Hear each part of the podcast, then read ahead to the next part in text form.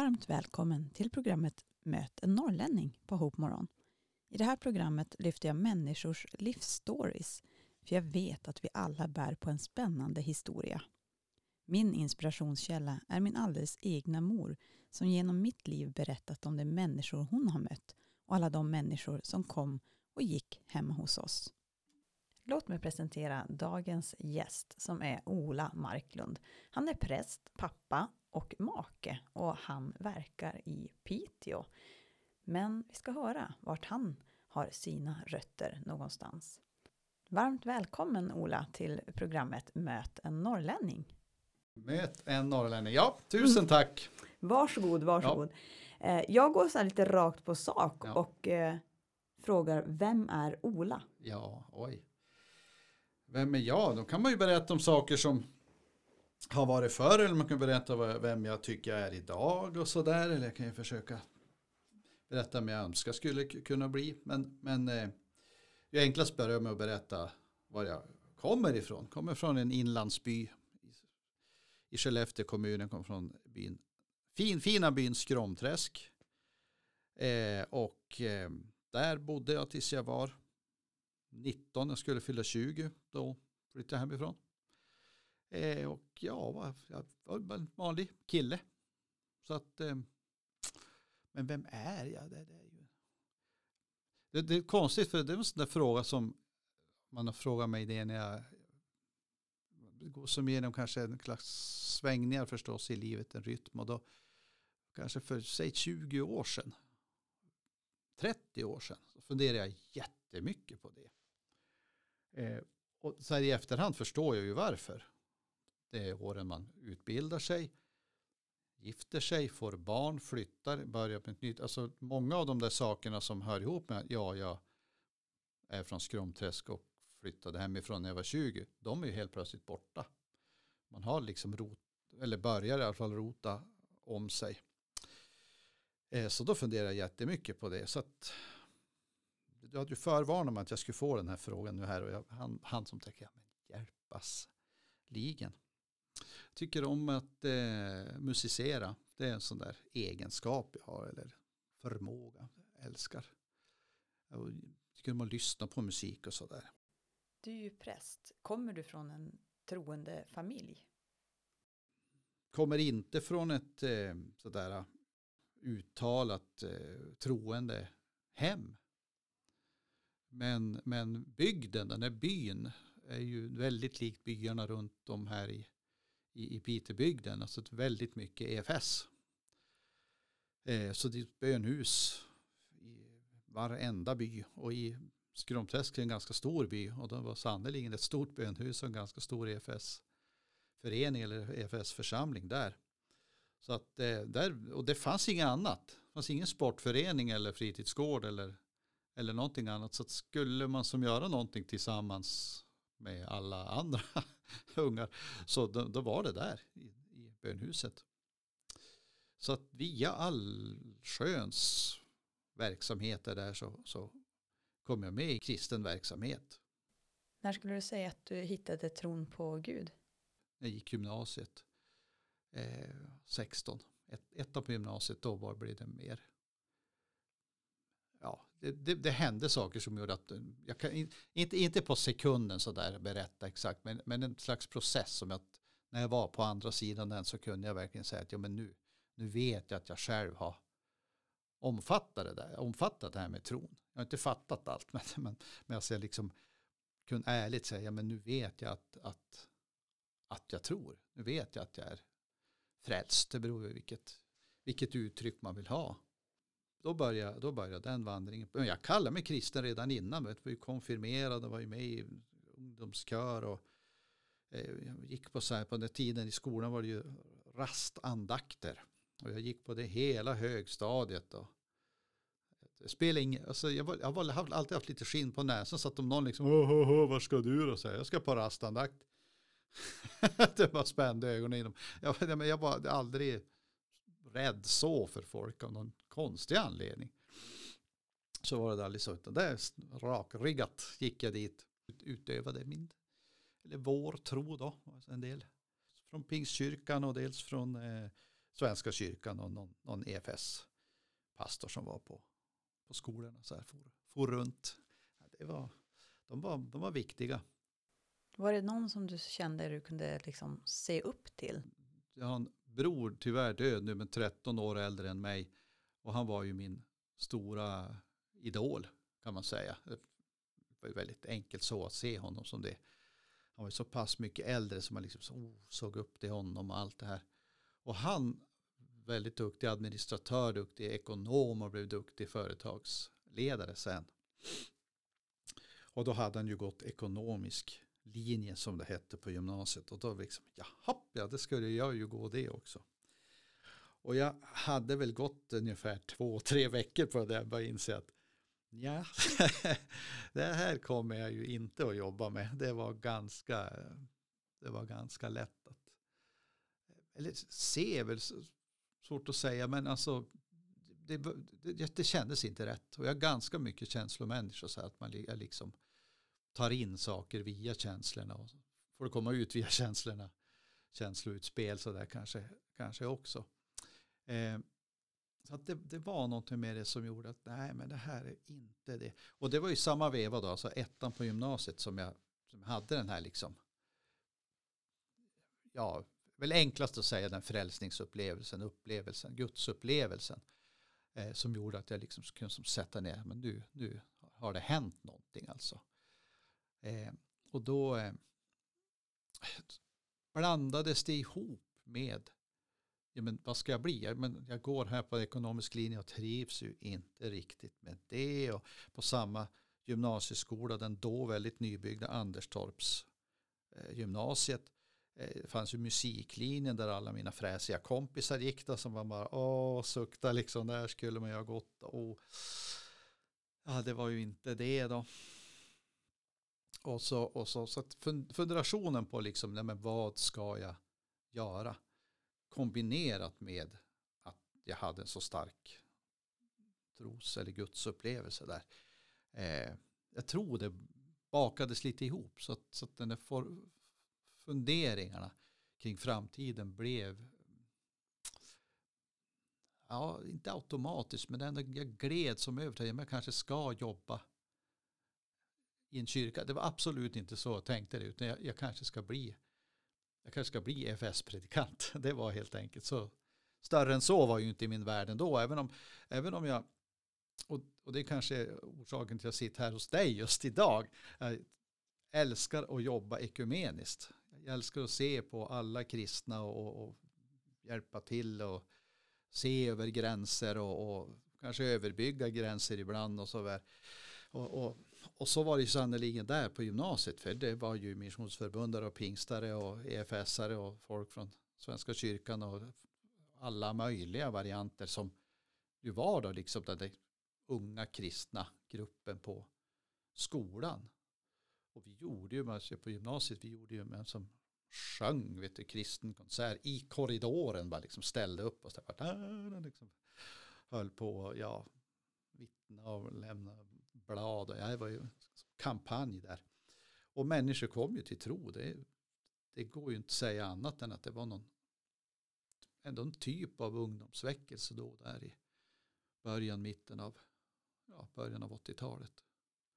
Det lät ju härligt med kampanjer och eh, körer i skolan och andakter och så vidare. Och ekonomiprogrammet och så. Men hur, hur gick du vidare? Liksom? Vad var nästa steg? Men jag gled mot och ville ändå pröva det här. Ska jag bli EFS predikant? Ja men då hörde man ju, ja men då ska man gå det som var bibelskolan Johannelund i Uppsala.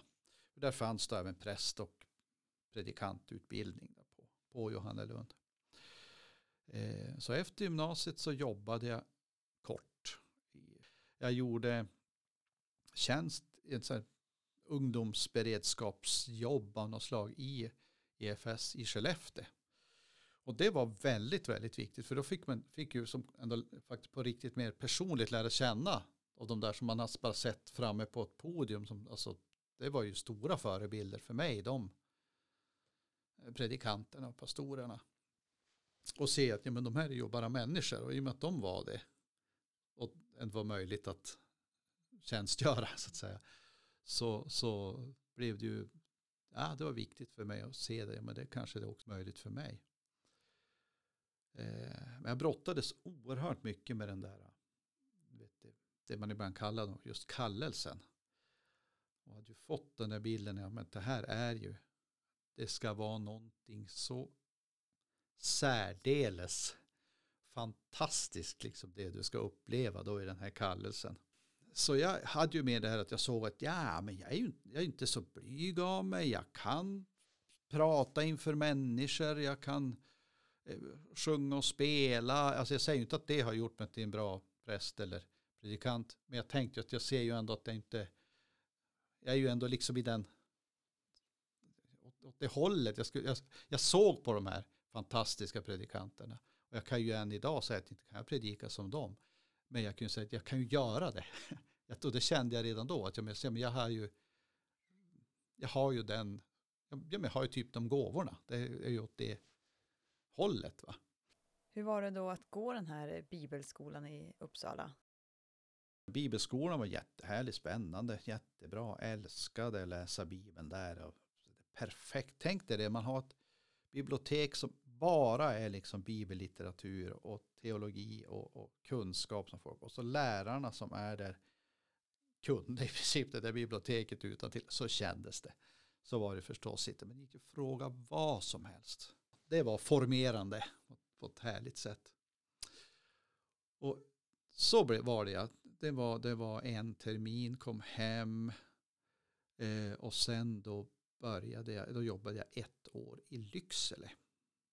Också typ sån här slags ungdomstjänst där kan man säga. Men alltså under det året där så, så levde jag på köpespalt, pulversoppa och ris och fiskpinnar. Och så upptäckte jag att man kan göra en ganska dålig sås av filmjölk, ketchup och oregano. Så att när jag flyttade därifrån och vägde jag, jag brukar ju ta fram det som mina glory days, då vägde jag 69 kilo. så, så, ja, och det, det har väl med kost att göra en hel del. Vad gjorde du sen då efter den här bibelskolan nere i Uppsala? Efter den jobbade jag ett år och väntade in min, min fru som gick annan utbildning och så för att göra det enkelt så kom vi upp hit 90 1 januari 1990 då predikade jag för första gången på EFS-kyrkan i Piteå. Så det var, det var premiären här i Piteåbygden. Och jag är från Skellefteå, min fru är från Boden så att det var ju då var det helt perfekt, alla föräldrar i livet ni vet och allt sådär. Så det var ju som, ja, där. Piteå var mitt emellan. Ja, mitt i smeten kan man ju säga, mitt emellan Skellefteå och Boden.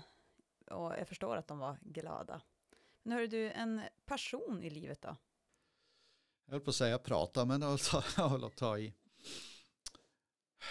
Men det, faktiskt, faktiskt så ligger det någonting i det. Eh, jag, jag kan säga så här, att min stora glädje som predikant, präst, pastor, vad jag än ska kalla mig, det, det är att eh, förkunna. Det är ordet. Så när jag skojar och sa att min passion är att prata så, så är det inte, det, det är inte långt därifrån. Jag är väl ingen usel lyssnare, det är jag inte. Men jag är, jag är verkligen en, en, en talare så liksom att eh, jag, jag, kan, och jag kan inte riktigt för, förklara det heller. För det är något i pandemin här märkte jag det där för att jag märkte att jag höll på att bli galen. För vi hade ju så lite samlingar och gudstjänster och andakter och grejer och sånt där. Så då kände jag verkligen här att det, brinner en eld, alltså det bygger liksom upp ett tryck inom oss. Det är någonting som vill, som ska ut så att säga. Och, ja, det, det där är väldigt abstrakt. Har man, har man varit med om det så förstår man ju det. Eh, för det är ju inte att jag liksom går omkring och nu måste jag predika för jag sa frustrerad eller något sånt där. Alltså att jag måste få ut, skälla på folk eller någonting. Utan det är väl något att det, jag inte kunde göra det jag på något vis ändå känner jag är eh, satt att göra. Det kan ju hända oss, egentligen, det kan ju hända vem som helst. om man ska vara tennisspelare så bryter man armen. Det är klart det blir, ett, det är klart det blir, det är klart det blir en kris. Alltså, det, man, det man kan, det man tänker är det man ska göra, det man tycker är roligt, kanske till och med meningsfullt. Det som är ens yrke, för en tennisproffs i alla fall. Eh, så kan man inte göra det. Så att på det sättet har jag känt mig lite Vinklippt kanske? Ja, vinklippt bra. Amputerad ordet jag sökte, men vinklippt helt rätt. Då menar jag inte att jag är en ängel. Vad är liksom största skillnaden då mellan hur du var som predikant och när du var yngre och nybakad till i, ja men mer till nu i mogen ålder om man ska så säga? Alltså att jag var mycket mer introspektiv och liksom såg på mig själv och vände och vred och, och, och, och mådde mycket sämre då. Kom, kom, jag kanske har mognat sent men jag tror jag kom till ro någonstans där strax innan, innan jag skulle fylla 40. Det var, jag mådde mycket sämre när jag fyllde 30. Absolut kommer jag ihåg det. Alltså mycket mer grubblerier och vem är jag, ska det vara så här och allt så här. När 40 då så bara, ja, ja men. Det känns lite grann som att där vid 40 någonstans så då jag, måste hålla med dig, för, för det är verkligen 30, jag hörde så många som var så här, åh jag fyller 30, det var så, det var så stort steg. Ja, ja. Men 40, det var så här, det känns vi, rätt vi skönt. Har, vi, vi, lever ju i en kultur där man inte får bli gammal. Eh, och, eh, eller det får man ju, man ska ju helst bli väldigt gammal, men man får ju inte bli gammal, eller gammaldags, eller ålderdomlig, nej exakt. Eh, och, och då tror jag att alltså, 30 är jobbigt även av den alltså det är så definitivt att ens ungdom är, den borde vara över. vad ersätts ungdomen av? Vad är ett, vad är ett vuxenliv idag? Nej, men, det är ju bara att köpa större leksaker. Jo, men. Ja, men man säger ju det, skillnad mellan en, en pojke och en man är ja. priset på leksakerna. Priset på leksakerna, ja, det tror jag gäller många kvinnor också. Det är jag helt övertygad om. jo, för det hör, hör också ihop med individualiseringen. Så här, att, alltså, att det är så mycket som pekar på dig. Det är så mycket som pekar på, på mig. Det är så mycket som pekar på individen. Och säger att du ska, du ska lyckas, du ska synas, du ska, du ska, du ska märkas, du ska sätta märka, ja, ska göra ett avtryck här i världen men det får inte vara ett fossilt avtryck avgaser utan det ska vara något annat och du, du, du, du ska välja. Och jag har ju fyra barn och när den det är väl han som är yngst nu måste jag tänka mig. Jo, började, han är 16, 17, blir 17 i år. När han började eh, förskolan och Eh, glad i hågen kom jag dit på första utvecklingssamtalet. Jag var redan lite misstänksam. Liksom, utvecklingssamtal med en sexåring. De känner inte min sexåring tänkte jag. Men det for dit och så, och så plockade då stackars pedagogen fram det. Ja, nu ska vi titta här på hmm, hans eh, individuella utvecklingsplan. Och, och jag, jag, jag, var, jag var helt tagen på sängen. Och jag lät säkert jättekritisk, men liksom, jag förstod inte vad hon sa. Individuell utvecklingsplan för en sexåring, sa Ja, men det hade ju blivit så då. Det hade ju hunnit hända mellan, han är lite sladdig, så att när den förra gick förskolan, då var det ju inte prat, prat om det liksom. Men när den här började, då var det, men va? Oj. Så liksom, det var som att, ja men hur han ska välja, hur det ska se ut, målen han ska klara. För att i sex, sex års, inte i sexan, i sex års. Och det är bara ett, ett exempel på, jag vet inte bra om skolan ställer krav, det är ju inte det. Men det är hela tiden på liksom honom. Han ska, och sen ska man välja, sen ska du välja rätt. Och sen fortsätter ju bara, du ska välja rätt pensionssparande, och rätt försäkringsbolag och rätt eh, kärlek, rätt liksom allting, rätt yrke. För det ska vara så rätt för dig. För om det inte är det rätta och det rättaste och det bästa för dig, då har du, då har du misslyckats med någon slags eh, potential som du skulle haft. Så här. Det är inte underligt unga är stressade idag.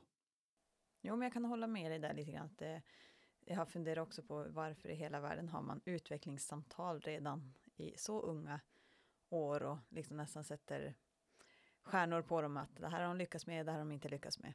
Men hur ser du på det här med sociala medier och sånt? Eh, om vi går in lite mer på den individualistiska like-kulturen, om man säger så. Det, det, är ju det som väldigt märkligt. Och den här blandningen av att man, man visar upp sig så mycket. Alltså, vi äldre gör det ju via Facebook och allt möjligt, men unga otroligt mycket med bilder och hur man visar upp sina liv och så vidare. Det är ett, det är ett uttryck för en stark individualitet. Men jag tycker det är oerhört sällan ett uttryck för starka individer. Alltså starka människor, starka personer, starka personligheter. Utan det är, alltså ju mer du putsar på ytan ju, ju blankare blir det men samtidigt ju skörare tycker jag allting. Det är alltid svårt att komma åt för det är ju, vi, vi ska inte inbilla oss något annat. Vi troende eller vilka vi är, eller inte. Alltså vi, vi, är, vi är en del av någonting och vi kommer ur någonting. Och vi är på väg mot någonting. Och det ska mycket till innan man liksom går emot. Det, ska, det krävs oerhört mycket att gå emot en kultur. Eh, idag är inte det där så aktuellt, men jag hade några vänner som skulle vara sådär liksom progressiva på något vis. De, de skulle inte ha tv. Så det här är ju ett tag sedan. Barnen var små, 30 år sedan. Men det, skulle, det var fel med det. Så, och så började de ju upptäcka att deras, ja, i alla fall pojken, de var ju borta jämt. Ja, för de var ju hos grannen och såg tv.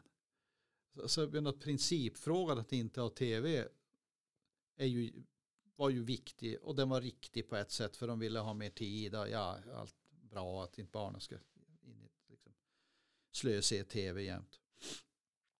Men den kulturen gick ju inte knäcka så utan han kilade över till, till sin bästa kompis och satt där. Och idag kan man väl översätta det då till, eh, till telefoner och iPad och allt vad det nu är med skärmar och låter man dem inte sitta med det, ja men då kommer de ju springa till kompisarna och sitta där. Så att, eh, ja, det, det är svårt att komma åt den kulturen också och hur mycket ska man liksom stoppa dem från att använda det digitala, Eh, om man säger så, just för att det är ju liksom en del av eh, både framtiden, vi lever i det och vi lever av det och så, men hur mycket ska man liksom förbjuda att eh, använda det, brukar jag tänka. Den här kanalen heter ju Hope Morgon och vi har ju jobbat mycket i Peter med just hopp. Och vi hade en kampanj här för några år sedan. Men jag tänkte om vi skulle gå in lite grann på just det här med hopp. Vad tänker du runt omkring det? Hope morgon. Mm. Ja, det behöver man ju på morgonen. Eller Radio Hope heter ju Radio själva. Hope. Mm. Ja, Hope, jag hoppas ju alla som lyssnar kommer ihåg vad det betyder från engelska. Det betyder hopp. Och det är ett ord som har ringt i mig sen början av pandemin. Det är väldigt, eh, jag springer inte omkring och har sådana här enorma uppenbarelser. Eh, men jag hade en oerhört stark känsla att ja, men du, det här måste, nu är det det vi behöver förmedla. Nu är det det som är budskapet i en svår tid. Eh, nu är restriktioner lyfta och vi kan ju leva så att säga ja, mer eller mindre som vi vill igen.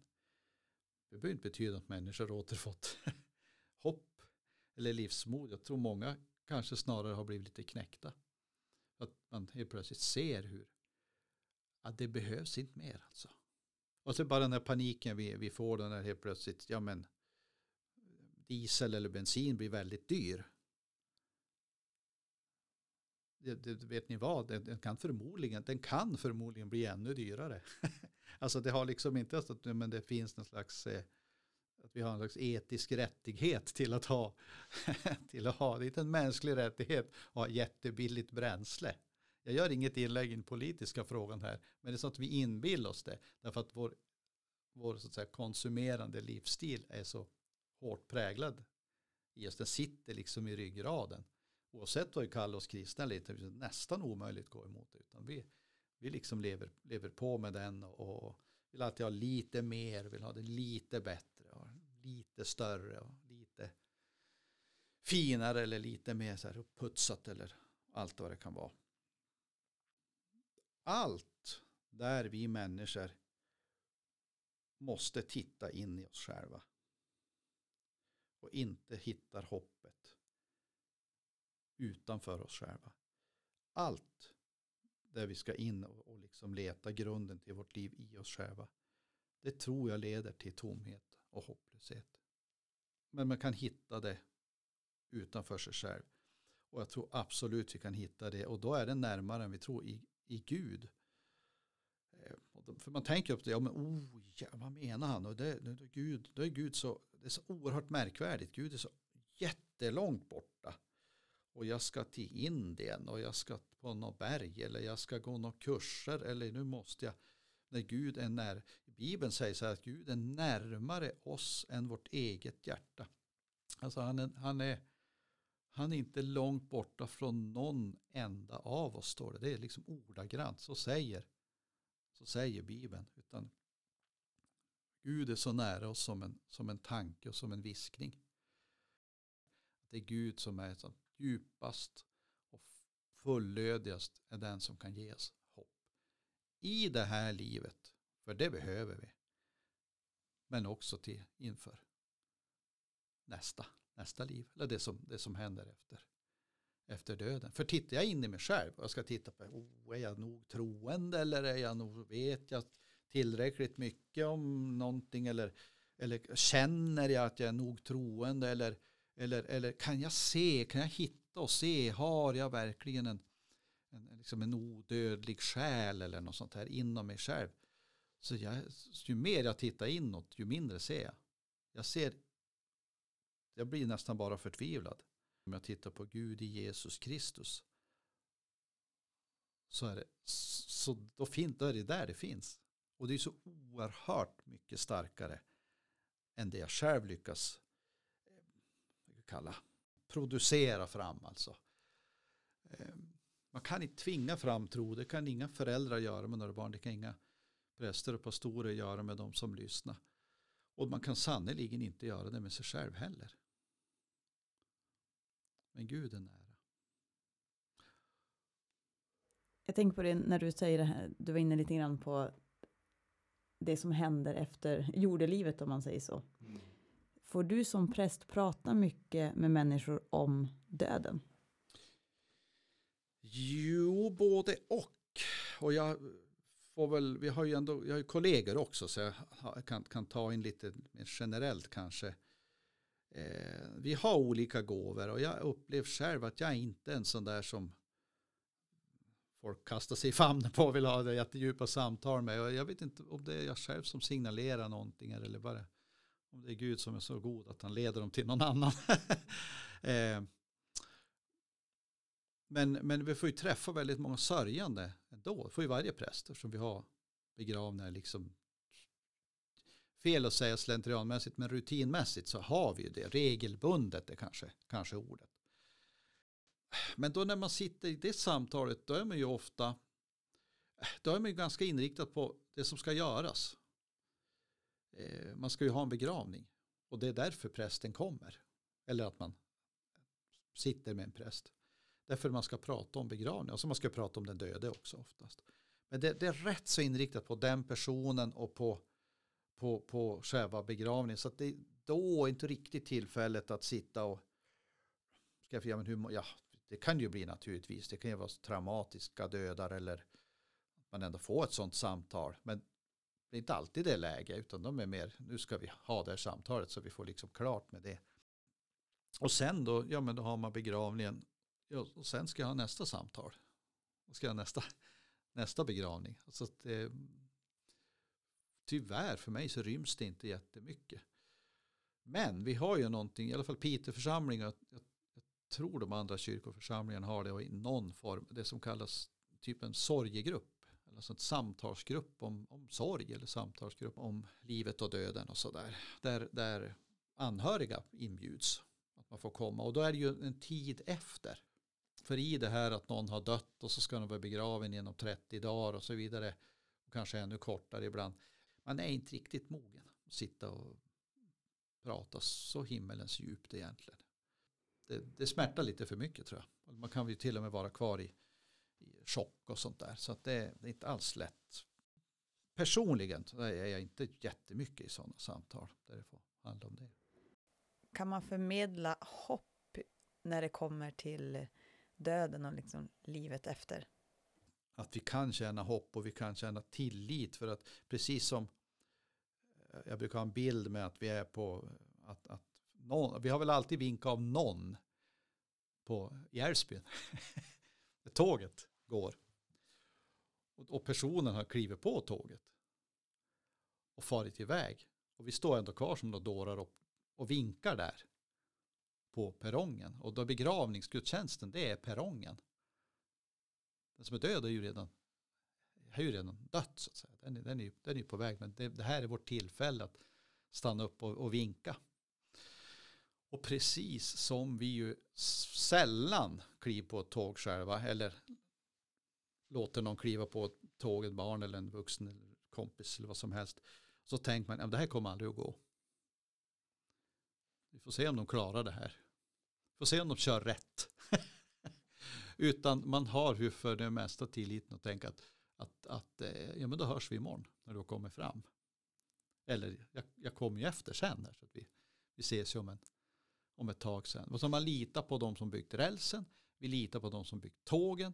Vi litar på de som byggt elsystemet och motorerna. Vi litar på konduktören och vi litar på lok föra. Det är väldigt många man sätter sin tillit till. Och tillit är ju ett av de svenska ord som vi kan bryta ner ordet tro i.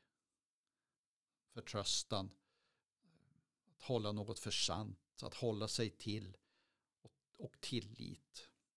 Och, och, det är ett ord som jag, för mig betyder det oerhört mycket. För det är ju verkligen att lita på att det, det, det är Gud som är Gud som är rälsen och tåget och konduktören och lokföraren och kraften som driver det framåt. Det, det är Gud som är allt detta. Det, blir, det ställs på sin spets i och med, med döden.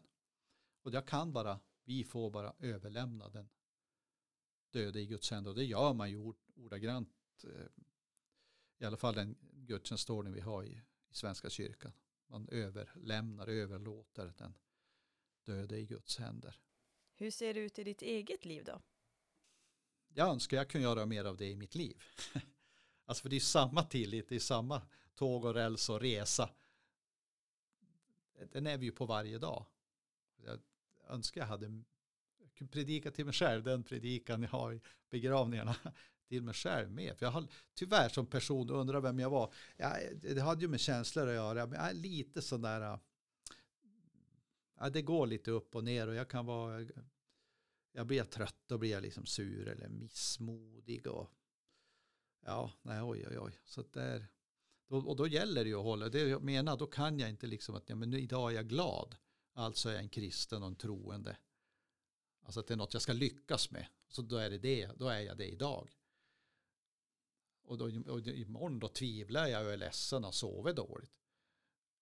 Eller något sånt där. Ja, då, är jag, då duger jag inte, då är jag inte troende. Då är jag som inte, då fyller jag liksom inte upp någon slags mätare här och så. Ja, tyvärr då, tyvärr idag, idag var jag inte det ungefär. Utan eh, tron, alltihop med tron, alltihop med tron handlar så oerhört mycket mer om Gud och så oerhört mycket mindre om mig.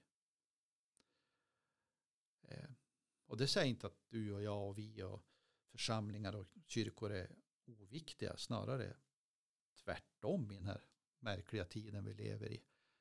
Men ska det bli någon riktig, ska det bli någon riktig kraft i det här tåget så hjälper det ju inte om du och jag och vi ställer oss och knuffar på det där tåget. Utan den kraften den måste, den måste tillhandahållas. Så den måste komma någon annanstans ifrån. Jag, jag har ju jobbat som säljare ah, större ah, delen av mitt liv. Ja. Och vart jag än är, när jag är bland vänner, familj, mm. så säger de alltid vad är det nu du ska sälja på oss? jag förstår. Mm. Hur är det att vara präst? Jag tänkte säga, är du alltid präst eller är du, kan du få vara Ola någon gång? Jo, jag tror att evangelist och säljare, de är, de, de, kan ligga väldigt, väldigt nära varandra så, för det är ju verkligen evangelistens hjärta. Så, men, ah, oj, oj, oj, oj, oj, nu ska vi ha det här mötet här. Det kommer ju att bli jättebra. Det här måste vi få berätta om. Det gör ju inte att man tror att varenda människa ska komma och springa dit. Man måste bara få, få det ur sig. Det, jag har det där också, men det, det, det är en annan. Alltså det, det, det är nedväxlat till en slags annan strömstyrka. Egentligen ställer du frågan om jag kan vara mig själv. Ja, men om du hade ställt den där frågan för 20 år sedan, eh, 30, då, då hade jag verkligen funderat på den. Och sagt ja, eller nej, eller ja. Alltså, men idag törs jag nog säga det. Alltså, däremot kan man säga att det, jag, man upptäckt, det är ingen idé att för, försöka förställa mig. Det är ingen idé att jag försöker inför Gud vara någon jag inte är. Om du går på stan, mm. inne, om du går i Pite med, tillsammans med din fru. Ja. Är det prästen Ola som, som går där och folk liksom stannar och pratar med dig eller är, är, det, är det Ola? Oj, det var en jättebra fråga. Det är nog lite, jag har svårt att tro att de tror att det är prästen Ola. Ja, det är om jag går omkring och man har prästskjortan på sig. Om det går med min fru, då behöver jag inte oroa mig för det är hon som får alla samtal. Eller de, de inte jag känner, de känner hon. Hon jobbar ju också i kyrkan. Så att det, vi har, vi har, vi har mycket, mycket vänner och folk på stan.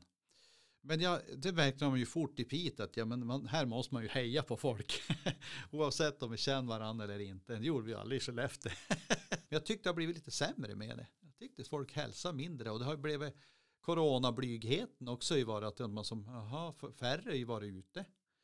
Eh, och man liksom, jaha, ska springa fram till den där och stöta, bumpa armbågen mot varandra som någon tok. Alltså, det har blivit en, vi har inte riktigt vetat hur vi ska vrida och vända oss. Men det är en jättebra fråga. Och nästa gång någon jag träffar någon på stan får jag, ju, får jag ju ställa frågan till den då. För jag, har tänkt så jättemycket på det. Jag tycker inte själv att jag är någon speciellt prästerlig prästen då. Jätte sådär super, super. Så svårt att jag, jag, tror inte att folk tänker att det är, oh nu kom den här prästen. Sådär. Den tuffaste dagen i ditt liv, vad var det? Oj. Min pappa dog ganska tidigt. Det var också sam ungefär samtidigt som jag flyttade hemifrån. Så jag var väl bara 20, 20 21 och något sånt där. Han dog. Det var väldigt, väldigt hemskt att min, min bror dog här i, för några år sedan i, i förtid. Det var verkligen hemskt. Men vår äldsta dotter hade ett hjärtfel, var född med ett hjärtfel.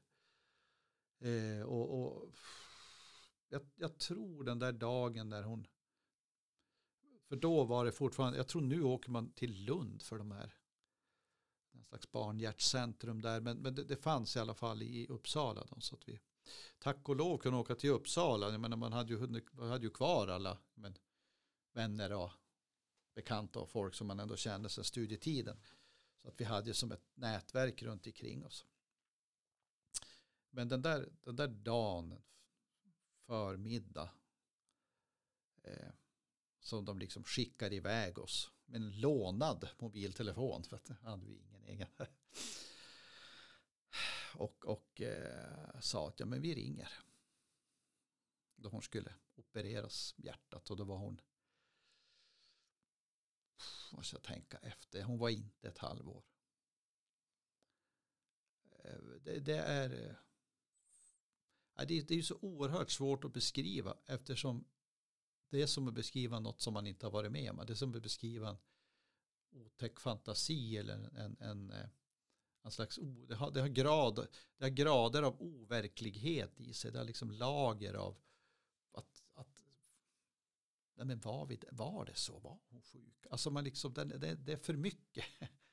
Det är liksom alla våra, vi har ju relän inom oss som, som liksom vippar till. Det är därför jag brukar säga om vi åter, bara eh, återgår till begravningen några sekunder att, att, att eh, vi svenskar har, vi har ett sånt, vi har ett sånt schizofrent eh, förhållande till gråt. Ett exempel på en begra- begravning kan man ha, ja men jag är så nervös att jag inte ska klara av det. Jag, vad är det du ska klara av? Ja, men, och då menar man, ja, jag är så rädd jag ska börja gråta inför alla. Ibland blir jag nästan arg, men du ska på en begravning. Tror du den skulle vara rolig? din, din make har dött. Och ingen där kommer att tycka det är konstigt om du gråter. Eller så hör man andra som säger, är det är så hemskt jag har inte kunnat gråta. Ja, då är det också fel. Därför reläna har slått till. Liksom, ding, ding, ding, man liksom, det, det, blir för jobbigt, det är för mycket, det kommer liksom inte ut den väg det borde komma ut. I känslan och i ögonen. Och i, vår, i vår gråt alltså. Eh.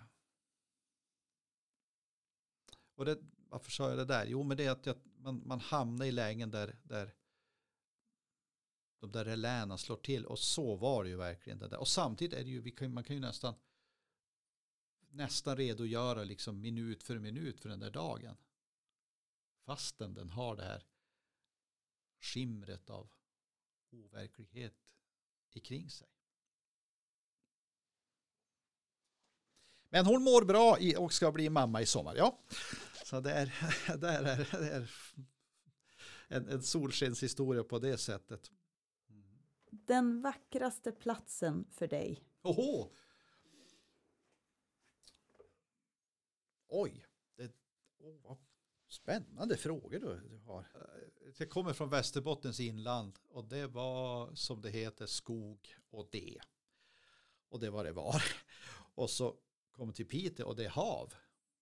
Hav, hav, hav, hav, hav och vatten och vi har stuga i Gävle och en liten båt man kan plutta ut med och det, ja, det är fantastiskt. Och så, och, så, och så bergen är ju otroligt fint. En, en, en, en, min yngre dotter bor i och flyttade till Jämtland. Som bor en mil utanför Åre. Och det man kör dit, man, hej, det är ju, här är det ju vackert överallt. Så att jag slår ihop dem där. Och då har jag inte varit på alla platser i världen. Det har jag inte. Jag önskar kunde det, men så kommer det ju inte att vara. Alltså höga kusten. Den är svårslagen. Så att du har sett den fantastiskt fina vägen ut med Lars Lerin på SVT. Han tar runt liksom lite vänner som har varit missbrukare och så måla sig igenom sina liv och så går de som är de så på vissa platser. och De åker ju till, ja, de är någonstans vid Höga Kusten, de första, första programmen. Och jag bara, ah, har de någon, har de någon presstjänst ledigt där? Nej, men alltså det, det, det, det talar till mig, för där är det vattnet, havet och så är det berg. Så att de platser som finns som är sådana, de är, svårslagna. Men jag har inte det där, oh, när jag får sitta där och grilla korv så är det bara Högberget i Gävle. Det är precis som knattrat upp där på berget med grilla korv och så se ut över i princip hela Piteå skärgård. Det det är bra, det duger bra. Höga kusten är fantastisk. Ja, är vi slår ett slag för Höga kusten. Tänkte jag skulle börja avrunda det här och eh, ja, nej, det, är så, det är så trevligt att prata. eh, nej, men jag tänkte kolla med dig om ja. du har en bucket list. Oj! Ja, vet du, när, du sa eh, fråga vackra ställen så finns det två länder jag skulle vilja besöka. Och jag, det är lite märkligt där för att jag var riktigt, riktigt, riktigt mammas brorsans hemmagris när jag var barn. Alltså kunde ju inte åka på läger till exempel. För det gick inte. Jag var panik, jag skulle sova hemma och så här. Och det konstiga som vuxen och även i mina, de tjänster jag haft så har det blivit att jag rest på lite olika utbyten och resor och studieresor och så. Så jag har rest i alla möjliga länder, omöjliga länder, Indien, jag har varit i Ryssland och ja, lite allt möjligt. Men jag är ingen sån där som liksom, oh, får vi nu spara in pengar för vi ja, måste iväg och här ska det resas. Eh, men jag skulle vilja åka till Japan. Japan och eh, Kina, men då är det bara att Kina, det går ju inte att säga Kina, jag menar det är ju liksom halva världen är ju Kina. Så att vi drar till med Japan, men eh, det kommer nog aldrig att bli, det är så dyrt att vara där, jag har hört. Men nej, det har jag, det, ja, Nej, men det är otroligt kul att få prata med dig och få höra din story. En sista fråga måste ja. jag få ställa. Favoritbibelställe? Jo, det har jag absolut och det är faktiskt höll jag på att säga för man jobbar ju med, med Bibeln både bak och framlänges och, och, och ibland när man är någon liten liten vers och petar ibland kan det vara en hel bok och sådär. Eh, men för mig är Johannes evangeliums nionde kapitel där det berättas om en blindfödd man. Jesus utför ett sånt här distansunder på honom. Det finns man tänker att Jesus, eller jag menar Jesus gör saker det hela, alltså, ska vi göra ett slags system av det, så ja men då gjorde han så här. Han gjorde, en gång gjorde han si och en gång gjorde han så, någon gång är det flera och någon gång är det en och någon gång är det en gammal kvinna och någon gång är det ett barn som har dött. Alltså det är liksom jätteolika. Vi vill ha det lika för då kan vi kanske förstå det bättre. Men då är det den här mannen som är född blind. Och frågan ställs av, av Jesu lärjungar och det säger någonting om hur man såg på den här mannen. Är det hans föräldrar? Och så får han liksom ta ett slags synda, märkligt syndastraff liksom så här. För något fel hans föräldrar ska ha gjort. Eller är det han själv? Och är det han själv är det ju lite märkligt eftersom han var född blind. Så att de hade så ett rent teologiskt problem om liksom det on, om ondska och sjukdom och Gud och hur det hänger ihop precis som, som vi kan diskutera och fundera idag. Eh, och då säger Jesus, nej men det här det är inte så utan han är här för att ni ska förstå Guds härlighet. Alltså Guds värld, Guds möjligheter.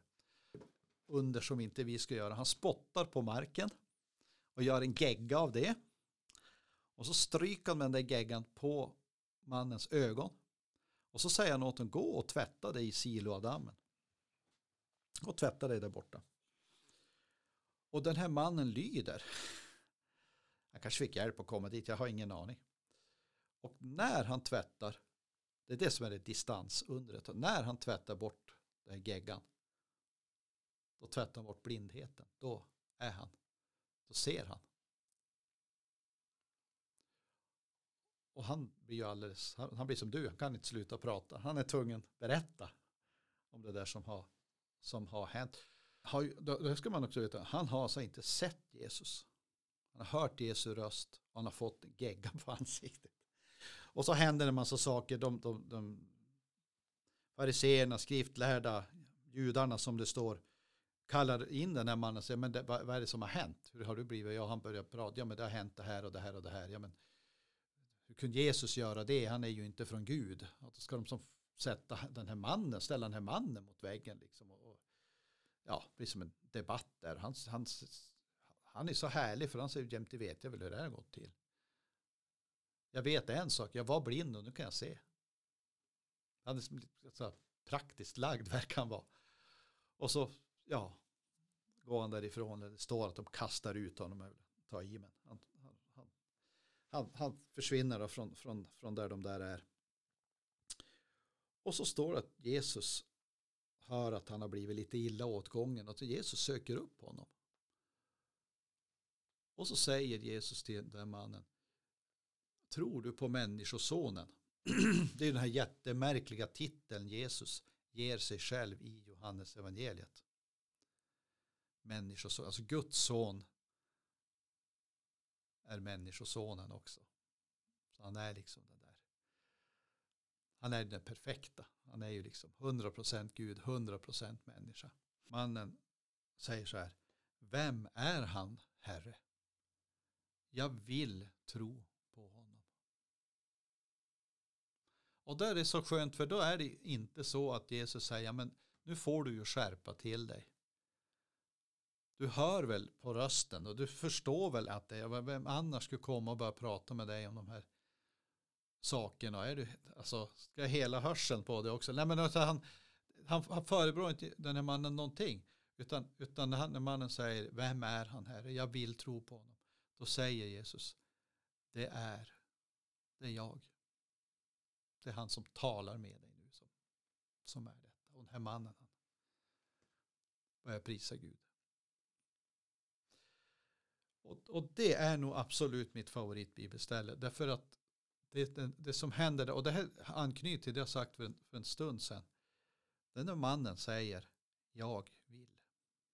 Alltså inte jag känner så mycket, jag tror så mycket, jag är så tacksam, jag är så troende idag, jag kan rabbla alla böner, jag kan trosbekännelsen bak och framlänges eller allt vad det kan vara. Utan jag, jag vill, jag vill tro.